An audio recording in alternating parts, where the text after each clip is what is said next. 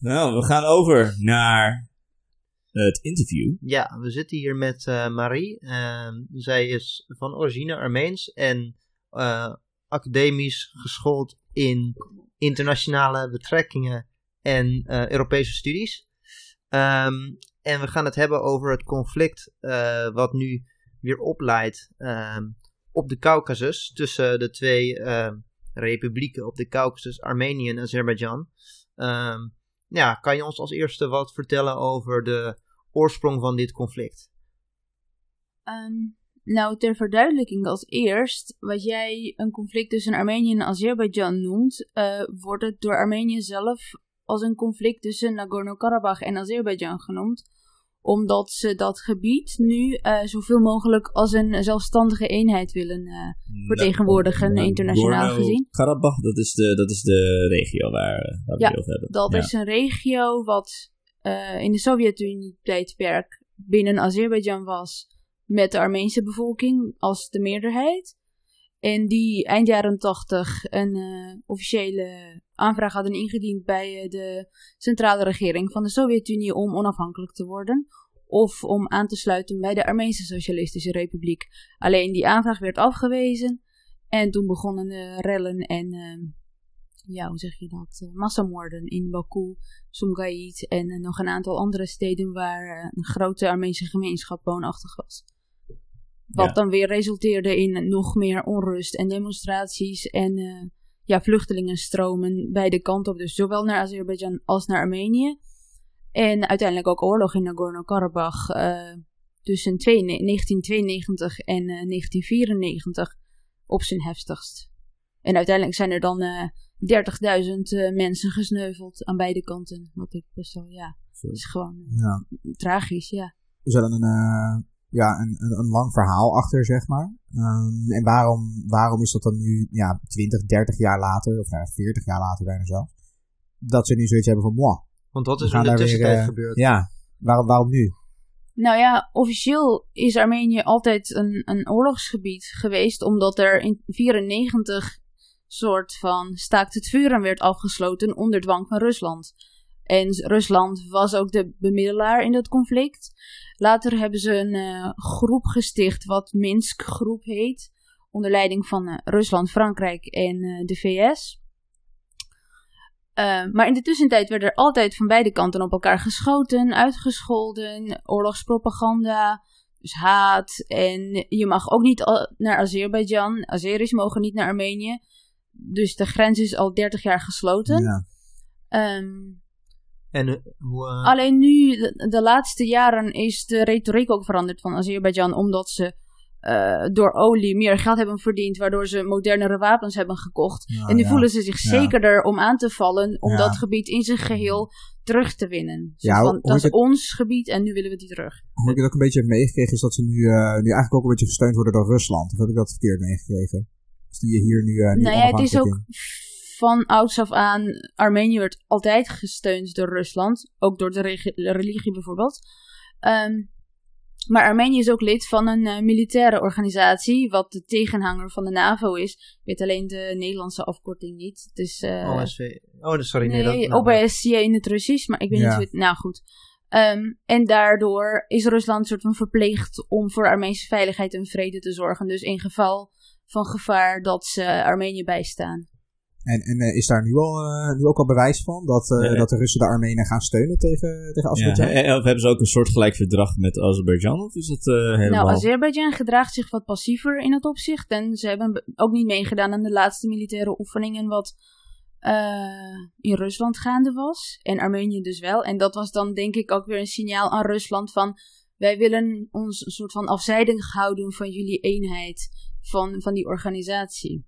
Is, dat, is dat uiteindelijk dan positief voor eh, Armenië of, of juist niet? Het, het, dat nee, klinkt als een positief... niet, want dat zou ervoor zorgen dat omdat ze beide lid van die organisatie zouden zijn, dat ze elkaar niet zouden aanvallen. Maar Hmm. omdat Turkije achter Azerbeidzjan staat als een bondgenoot, eh, hebben ze een soort van de steun van Rusland of van andere landen van die organisatie Ja. niet nodig. Dus Ja. dan, Het, is, eh, het is inderdaad zeg maar weer machtspolitiek en Precies. wordt het een proxyoorlog eigenlijk tussen ja, Turkije en Rusland, Ja, zou je kunnen zien. ja. En natuurlijk kan een oorlog niet ehm, worden gevoerd zonder dat de bevolking bereid is om eh, mensen die zelf geen enkel belang hebben natuurlijk bij die oorlog om hun, eh, hun zoons, hun echtgenoten, hun broers te sturen om eh, dood te gaan in die oorlog. Ehm, ja, wat wordt er gedaan in. Natuurlijk heb je wel meer zicht op wat er gebeurt in Armenië dan in Azerbeidzjan. Maar wat wordt er in beide landen gedaan om ervoor te zorgen dat die bereidheid van de bevolking om, ehm, om dood te gaan in deze oorlog, ehm, dat, dat die er blijft? Wat voor. ja, in, in de informatievoorziening en dergelijke. Wat is daar ongeveer gaande? Nee, het is natuurlijk duidelijk dat als er oorlog is, dat beide landen heel vaak oorlogspropaganda voeren met bepaalde termen over de ander of ook voornamelijk dehumaniseren van de ander. En nou ja, in Armenië is de vrije media, Facebook, Instagram nog wel toegankelijk, maar voor Azerbeidzjan geldt dat bijvoorbeeld niet. Ze hebben geen YouTube, geen uh, WhatsApp, helemaal niks omdat ze eh, willen voorkomen dat de bevolking van Azerbeidzjan uh, genoeg informatie heeft over wat er gaande is. En dat het echt niet uit hun eh, belang is om, om te gaan vechten. In plaats daarvan zegt Aliyev bij een interview van. Uh, de president van de, de president van Azerbeidzjan, ja, sorry. van ja, we hebben uh, Hadroet veroverd bijvoorbeeld. En nu is de volgende, laten we zeggen, Martuni aan de beurt. Is ook een andere stad in Nagorno-Karabakh van ja, we gaan de vlag instellen, we gaan onze vijand kapot maken, ze zijn geen mensen, bla bla bla. We zijn altijd sterk geweest. Het is tijd dat we onze historische gebieden, historische ja. steden terugwinnen. En dat geldt dus ook voor de Armenen natuurlijk. Maar goed, uh, ja, het is uh, gewoon. Ja, maar het, het, is wel grappig dat ik uh, zowel vanuit ja, Armeense als Azerbeidzjaanse kant ook inderdaad wel dingen op, op Instagram voorbij heb zien komen. Waarin je dan ook echt super fel die twee met elkaar ziet discussiëren. En over en, nieuw, over en weer eigenlijk ja, fake news of niet fake news wordt verspreid. Je hebt eigenlijk geen zicht meer op wat er nu Maar ook elkaar uitschelden heel erg. Ja, ja, ja. Ja, dus, dus die oorlog wordt eigenlijk ook gewoon ja, voortgezet op dingen als social media. Als ze daar toegang tot hebben. Ook een beetje onderbelicht op uh, kabel. Uh, ja, ja, ja, het wordt een beetje onder uh, stoel en bank geschoven. Ja, het is niet ja helemaal door de Nederlandse media. Sorry, maar... Het is voor het Westen niet interessant, het conflict. Maar om er nog even op door te gaan, want we zagen bijvoorbeeld dat um, in de Armeense media werd gevierd dat bepaalde posities waren terugveroverd op Azerbeidzjan. Terwijl ze in eerste instantie hadden ontkend dat ze die hadden verloren en dergelijke. En als je kijkt naar de aantallen van de slachtoffers, dan beweren de Armenen dat er zo'n 5000 Azeris zijn gesneuveld en zo'n 500 Armenen. Dat is natuurlijk ook niet een heel erg realistisch plaatje. Dus in hoeverre denk je dat um, ook vanuit de Armeense kant uh, ja, wordt geprobeerd om het narratief over die oorlog te controleren?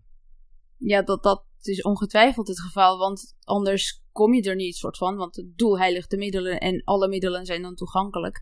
maar het lijkt me ook helemaal niet logisch dat het Armeense leger aan de ene kant wordt door de staatsmedia gezegd ja, we zijn drie keer kleiner, we hebben veel minder wapens, we hebben drie keer zo minder soldaten, maar we hebben dat geest om te vechten. We vechten voor ons moederland en het is een existentiële dreiging voor ons en dat, dat klopt dan ook.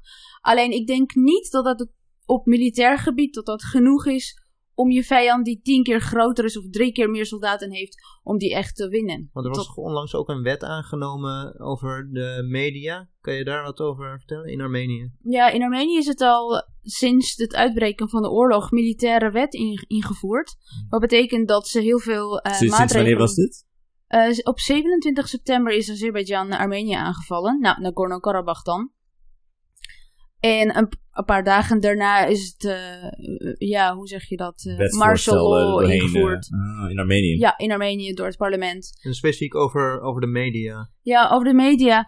Nou ja, ze zagen dat heel veel mensen, weet jij zegt, oh maar dat ze op Instagram of WhatsApp dingen plaatsen als bijvoorbeeld dat ze hun helden, heldhaftige soldaten naar de oorlogslinie sturen en dat ze dan die beelden plaatsen. Alleen nu is dat strafbaar geworden in, de in Armenië, dat burgers uh, die dat soort beelden plaatsen, wat informatie kan worden voor de vijand, wat dan weer tegen Armenië gebruikt kan worden. Ja, ja, maar dat, is ook zo. Het is, het is zeg maar open source intelligence uh, voor, voor Azerbeidzjan. Dus Als burgers in Armenië zeg maar die beelden delen, dan hebben ze letterlijk zeg maar spionnen in Armenië die ze de beelden doorgeven vanuit de positie van hun vijand. Dus daar Maar- zit ook wel ja, weer... ik snap dat Maar dit wordt natuurlijk ook, of dit wordt natuurlijk ook gewoon gebruikt om ervoor te zorgen dat ehm, onafhankelijke berichtgeving over Dus het conflict controle Ja, ja. Die Ja, dus maar, dat is ja, maar- waar. tegenspreekt dat eh, Armenië alleen maar aan het winnen is. Wat weer nodig is voor Armenië om het enthousiasme voor die oorlog gaande te houden. Ehm, om, ja, om dat te voorkomen. Dus om, Maar ja, aan de ene kant, aan de andere kant, het is in Armenië dat er eh, journalisten uit Frankrijk, Rusland en andere landen toegang hebben om die oorlog, eh, ja, om te informeren de wereld. maar, Terwijl Azerbeidzjan geeft helemaal geen eh, rechten aan de internationale hebben journalisten, sowieso- behalve Nee, uit dat is Turkije waar, dan, dat is waar, ja. o- om iets te rapporteren, wat die, dan die, ook. die hebben dan sowieso iets Ja, maar te dat betekent- Ik, ik, was, ik was alleen wel even benieuwd. Laatst waren er nog twee journalisten van Le Monde eh, gewond geraakt en eh, die moesten dan weer eh, naar Frankrijk worden vervoerd. om- ja. In hoeverre is jouw eigen persoonlijke eh, omgeving hier, eh, hier hebben zij hiermee te maken momenteel? Want ik kan me voorstellen dat je nog, je hebt nog familie wonen in eh, eh, Armenië. Wat, wat, wat is de... Ja, nou, ik heb inderdaad veel kennissen en, en familie daar. En nou ja, een aantal familieleden hebben zich ook als vrijwillig geregistreerd om te gaan vechten. Eh, een enkeling is al eh, aan het vechten, maar dan omdat hij dienstplichtig is. Eh, dus het is ook voor mij emotioneel, psychologisch heel moeilijk en, en vermoeiend soms om de berichtgeving te volgen. Maar ja, het is gewoon verschrikkelijk. Het duurt natuurlijk ook al zo lang, ook al voor eh Azerbeidzjan aanviel eh, eind september. Ik, ik ben benieuwd, want we hebben het eh, voor opname even over gehad. Maar voordat dit allemaal losging, hè, voor, voordat Armenië en Azerbeidzjan, die waren nog onderdeel van, van, één, eh, van één geheel. Ehm, wa- Was het dan zo dat een... ehm, was er sowieso al een soort van sectarian strife? Of was er sowieso al wel wat verschil tussen gewoon de, de culturen? De een komt natuurlijk heeft een connectie met de orthodoxe, orthodox-Russische kerk. Nee, de apostolische, Armeense apostolische Ah. kerk is het. Mhm. En eh Azeris zijn eh, moslim. Ik Ja. weet alleen niet Soenitisch of Shiitisch. Ehm, maar Onder de Sovjet-vlag was dat, was dat toen ook altijd al. eh, ja, er was altijd sprake van segregatie, sowieso vrijwillige segregatie in sommige Armeense dorpen in het westen van het land bijvoorbeeld. Maar ook in Nagorno-Karabakh, dat mensen in Karabakh, de bevolking was altijd Armeens, voor het grootste deel. En die gingen dan ook vrijwillig naar een Russische middelbare school in plaats van naar een middelbare school in het Turks. Waardoor de meeste mensen uit Karabakh nu veel makkelijker Russisch praten dan Armeens. Omdat ze, ja, dat, je wil ge- gewoon je cultuur eh, ja, eh, handhaven of, of zo bewaren. Dus Ja. dat doe je daarvoor. Maar gevechten en pesterijen en vijandigheden, die waren er altijd. Maar veel minder dan, ik bedoel, er werden ook echtparen en, en huwelijken gesloten eh, tussen de Azeris en de Armenen. Alleen die moesten in de jaren negentig ook weer vluchten naar Azerbeidzjan of überhaupt naar een derde land. Ja, buiten het Sovjetgebied, omdat ze het anders niet zouden overleven. en in Armenië mochten ze niet eh, blijven.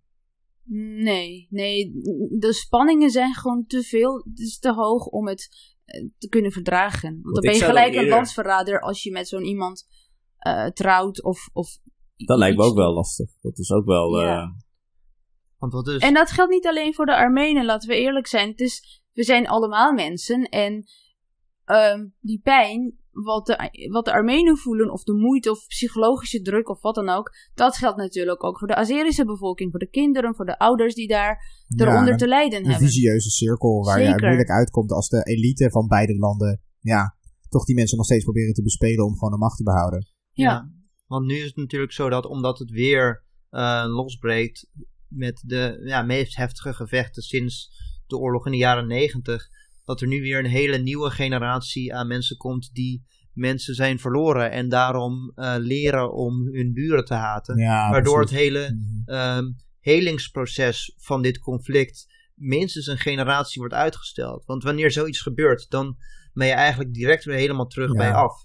En dat is natuurlijk ehm, op de lange termijn misschien wel het meest kwalijke, dat nu hierdoor 30 jaar van relatieve stabiliteit en op, vers- ah, sorry, op verschillende momenten ook vrij wezenlijke toenadering tussen de twee landen, wat nooit heel ver is gekomen, maar in ieder geval beter als een oorlog, dat het allemaal is weggevaagd in één klap. Ja, ja, zeker. jammer. Maar wat, wat we ook niet moeten vergeten is dat ook voor dat, het uitbreken van deze oorlog, dat er altijd al gaande was, was een proces van indoctrinatie van kinderen op school. Dat ze dan 's ochtends vroeg naar school gaan en dan voordat de les begint, is er een kaart van de wereld van Azerbeidzjan met Armenië. Dat de docent dan vraagt van wie zijn onze vijanden?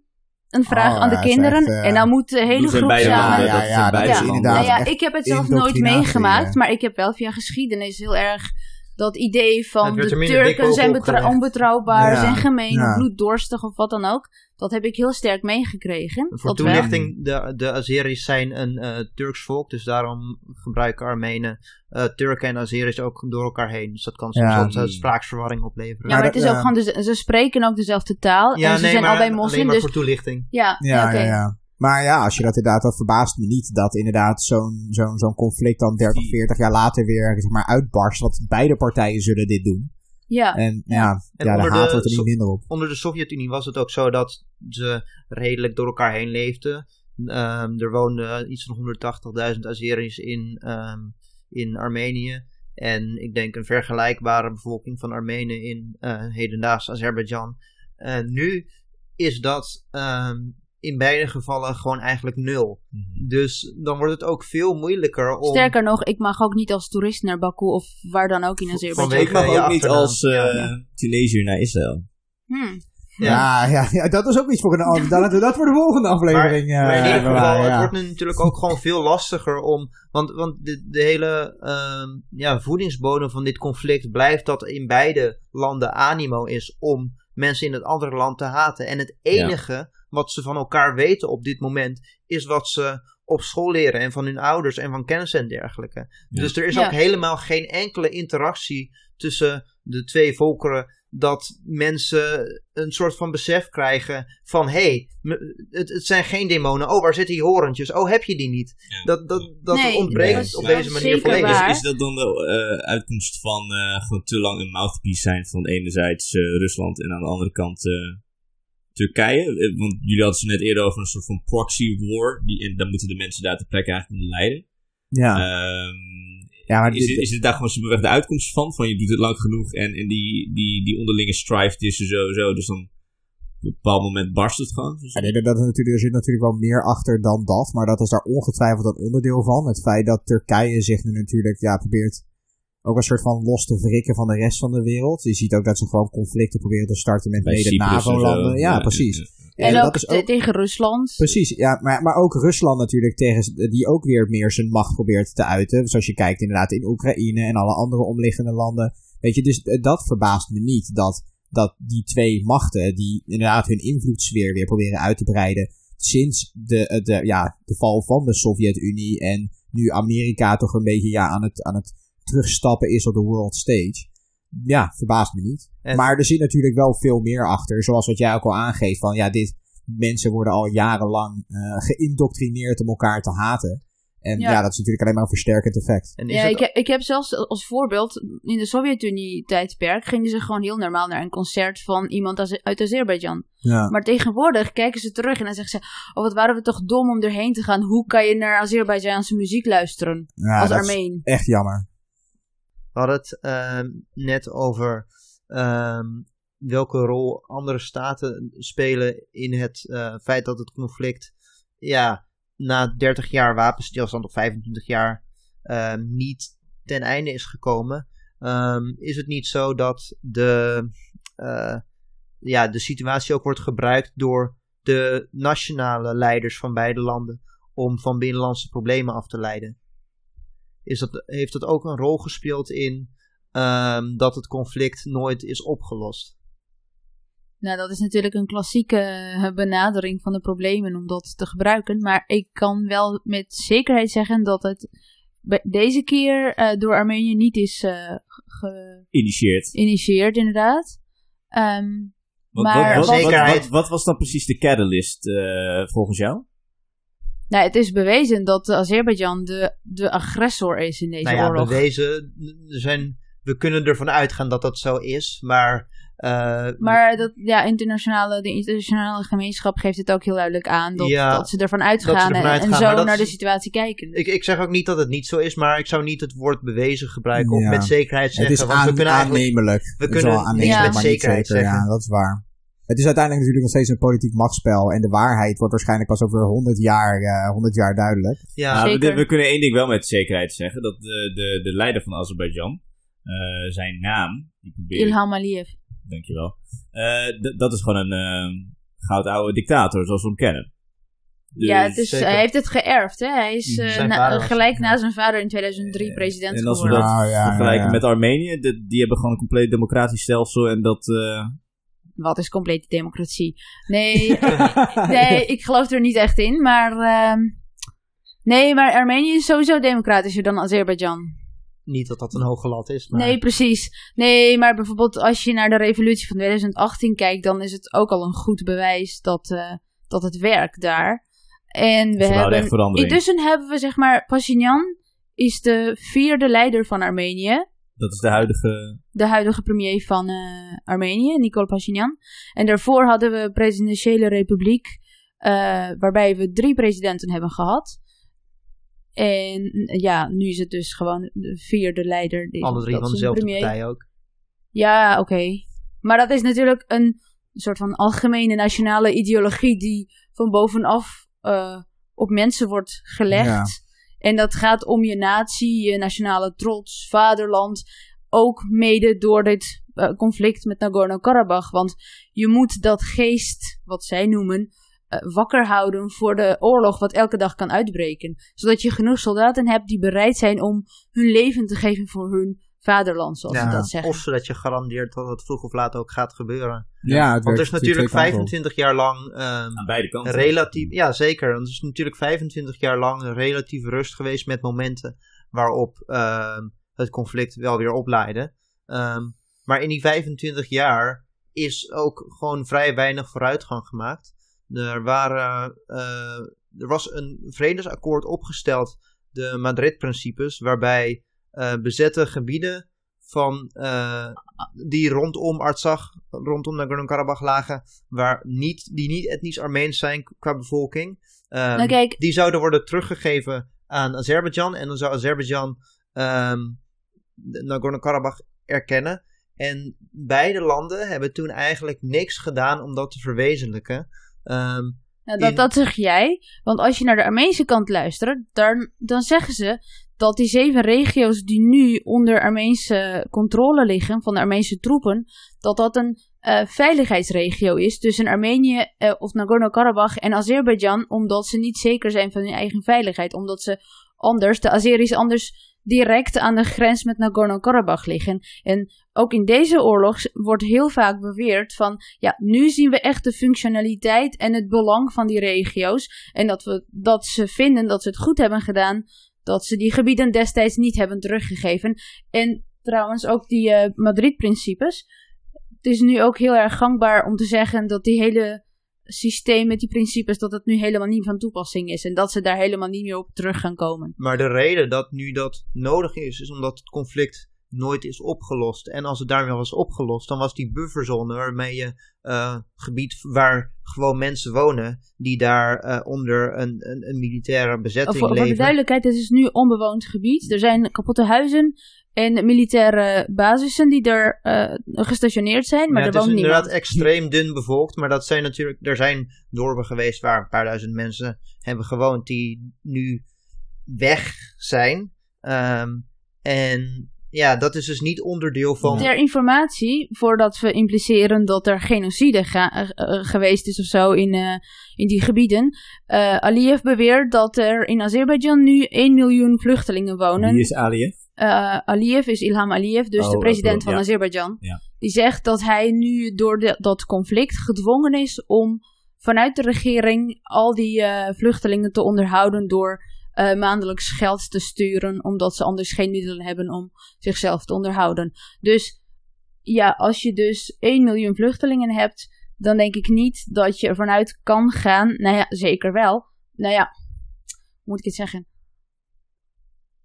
als er zoveel mensen zijn die gevlucht zijn naar uh, Azerbeidzjan, dan is het aantal mensen, burgerdoden, die tijdens de oorlog in de jaren negentig gevallen is, best wel klein. Dat, Is aannemelijk.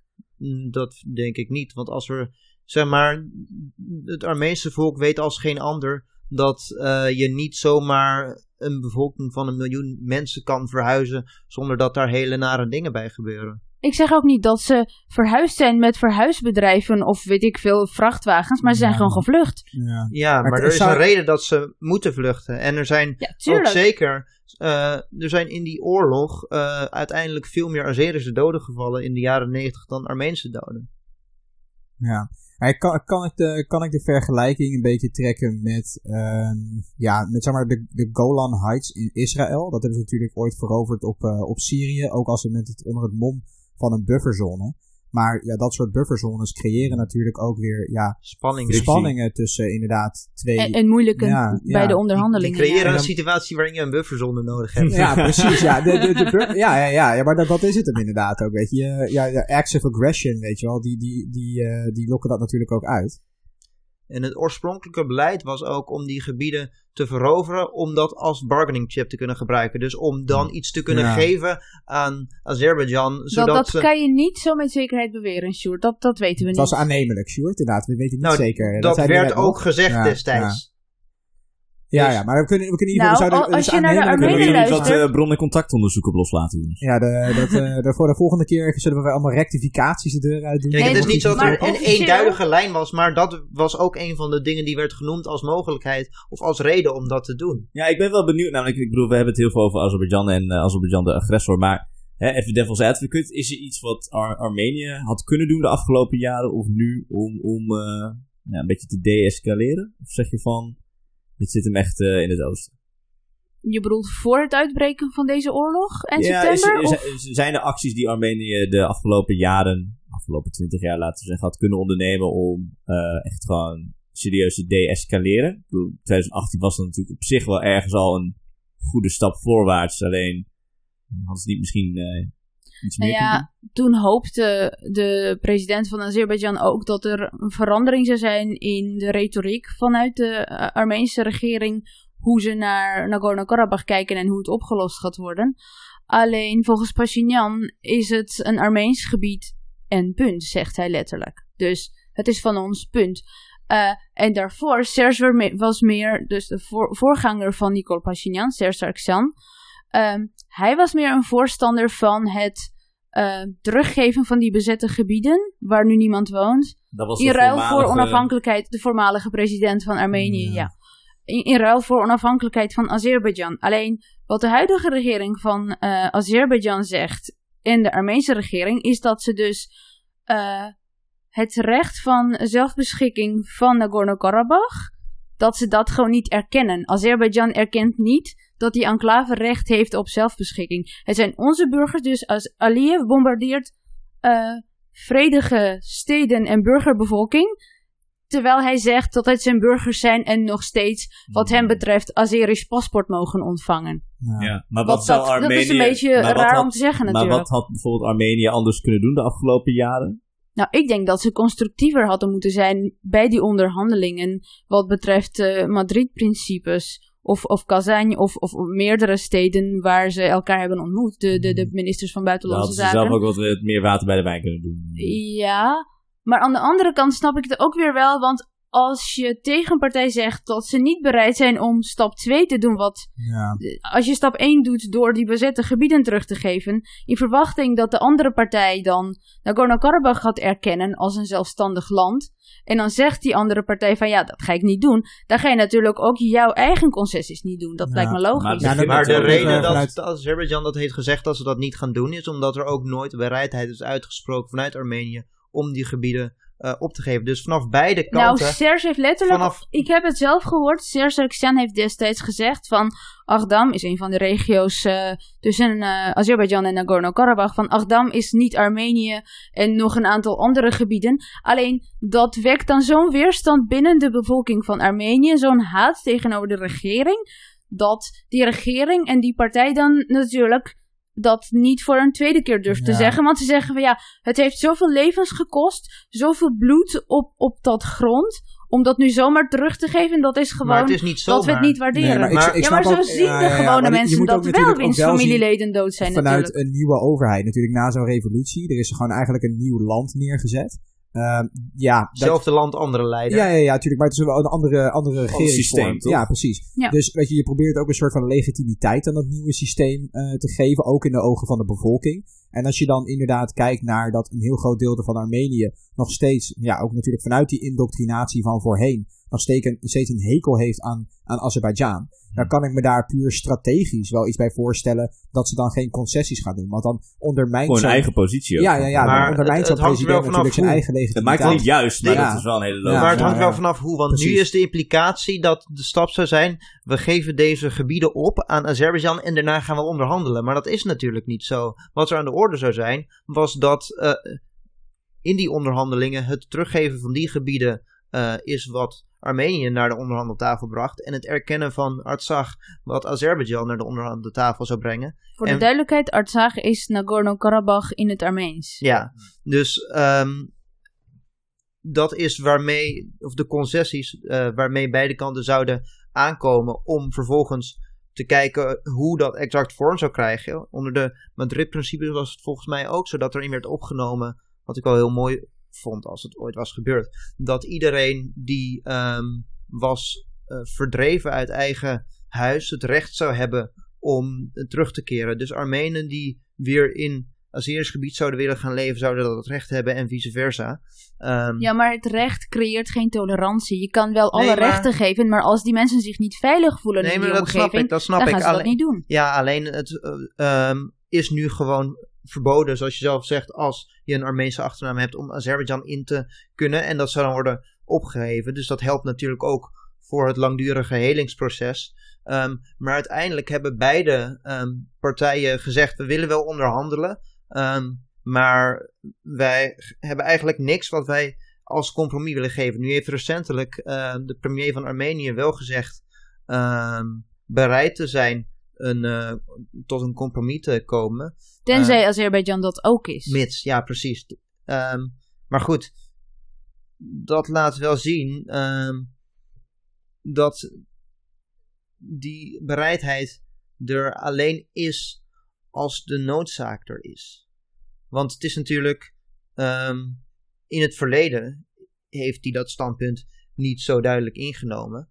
En nu eh, is er een oorlog gaande waarbij ehm, de Armeense media continu eh, verkondigen eh, dat ze gebied veroveren, terwijl internationale media wel een genuanceerder beeld neerzetten. En vervolgens ehm, komt eh, de premier van Armenië met een statement waarmee hij probeert om weer onderhandelingen te starten.